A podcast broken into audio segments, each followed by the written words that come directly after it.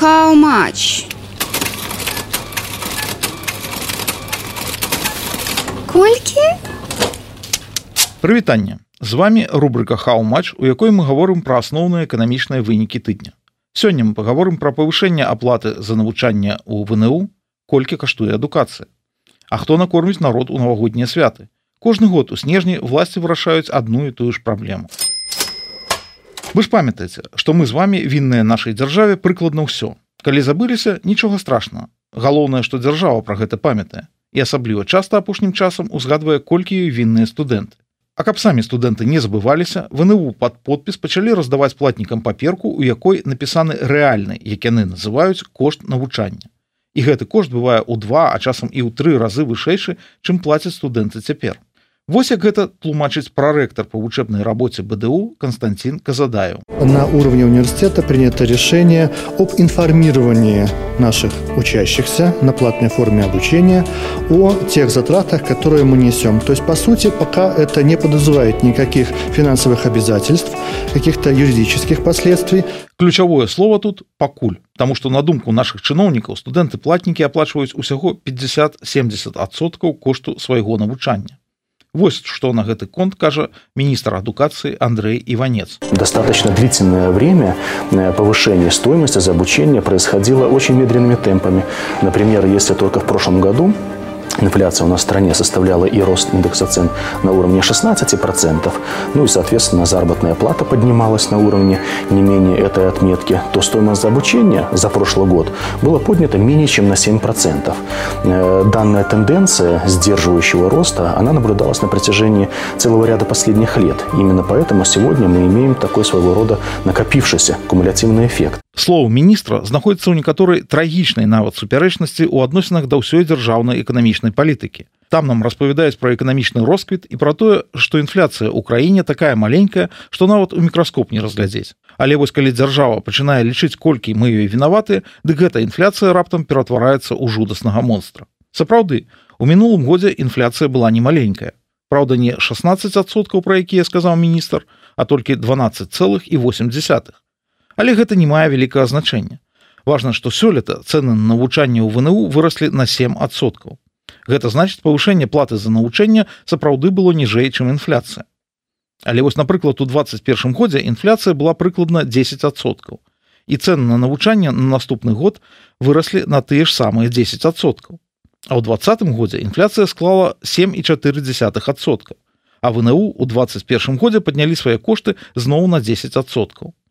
За 19 год цены ў краіне выраслі на 4,7сотка, а навучэнне у ВНУ падаражала ў дыяпазоне ад 5 до 7соткаў. То бок лічбы не б'юцца. Часам рост коштаў на навучанне быў ніжэйшы за інфляцыю, часам такі ж самы, а часам і вышэйшы. Калі пералічыць у перспектыве не аднаго года, а некалькіх гадоў, дык атрымліваецца, што кошты навучання увогуле раслі ў адпаведнасці з тэмпамі інфляцыі. Адкуль тады ўзяўся кумулятыўны эфект. Зразумела, што ніхто на гэта пытанне адказваць не збіраецца. Затое міністэрства адукацыі збіраецца павысіць кошты ў ВНУ. Процягвае министр Иванец. Министерство образования прорабатывает вопрос повышения стоимости оплаты. Затраты э, в год ежегодно растут примерно на 15-17%. Поэтому мы полагаем, что за пределы этой суммы, безусловно, увеличение стоимости не выйдет. Вот цікава атрымоўваецца, што мы заўсёды вінаваты нашай дзяржаве. Мы вінаватыя, нашы дзеці вінаватыя, нашыя ўнукі таксама будуць зноў вінаватыя. Бо ў разуменні чыноўнікаў мы з вами нахлебнікі, на якіх яны марнуюць дзяржаўныя грошы. Таму што ва ўяўленні беларускага чыноўніка грошы ён бярэ ось я нават не ведаю адкуль па ўяўленні нашых чыноўнікаў у іх бяруцца грошы. Бусел ім прыносіць ці ў капусці можа знаходзіць. Але калі мы столькі ўсяго вінаватыя ўладам дык можа і ўлады нам чаго-небудзь усё ж такі крыху вінаватыя. Ну а раптам. І нічога не скажу. Улады у нас такія што яны пра свой абавязак перад народам не забываюцца Вось набліжаюцца навагоднія святы і гэта якраз нагода, каб зноў паклапаціцца пра народ на самым высокім узроўні. Вот что сказал Александр Лукашенко. При этом хочу предупредить правительство, что скидок никаких не будет в плане обеспечения нормальной ситуации в предновогодние и предрождественские праздники. Не должно быть никаких проблем с продовольствием для наших людей. Особенно малые города, и агрогородки, и деревни.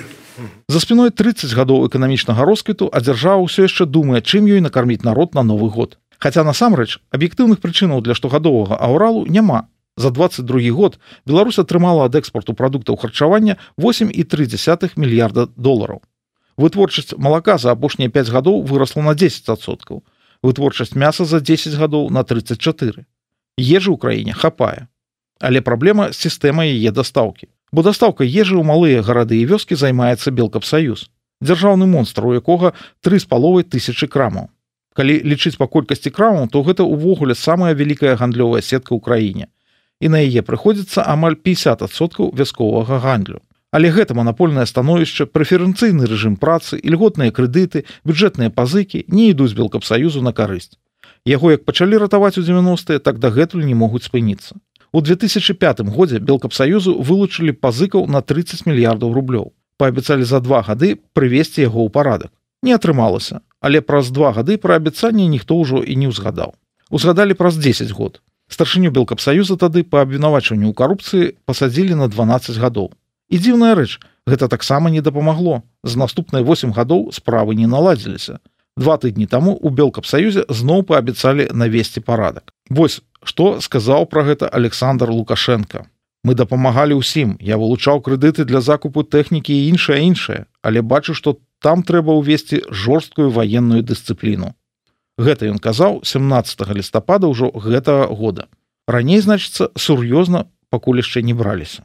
Але ёсць і іншы спосаб. У 18 годзе бізнесу, які працуе на сяле ў сферы гандлю і грамадскага харчавання, далі льготы. Ідэя была ў тым, каб недахоп попыту ў вёсках кампенсаваць значнымі льготамі для тых, хто захоча там працаваць. І што характэрна, многія захацелі. Усё-ткі амаль палова сельскіх крам прыватныя. Той жа еўраопт адкрыў 150 крамаў у сельскай мясцовасці. І неяк гэтыя прыватныя крамы спраўляюцца. Кошты там ніжэй, чым у белкапсаюзе, а асартымент лепшы. Зноў, як прызнаў Александр Лукашенко, з-за вялікай сеткі разумных падыходаў яны кошты высокія не трымаюць. Наадварот, Белкапсаюз прайграе ім і вымушаны свае выдаткі пакрываць коштамі. Гэта Лукашенко казаў два тыдні таму. Але ў прыватных крам ёсць адзін вялікі недахоп з пункту гледжання нашай дзяржавы. Яны не дзяржаўныя. Так што з гэтага года ўсе льготы для гандлю ў вёсцы адмянілі. Бо няма чаго лезці са сваёй прыватнай ініцыятывай у дзяржаўную зону адказнасці. Вось лепш яшчэ раз навесці парадак у белкапсаюзе. 30 год наводзілі. Праўда, карысці ад гэтага навядзення парадку ні разу не адбылося. На гэтым усё. З вами была рубрика Хау-матч, пачуемся на наступным тыдні.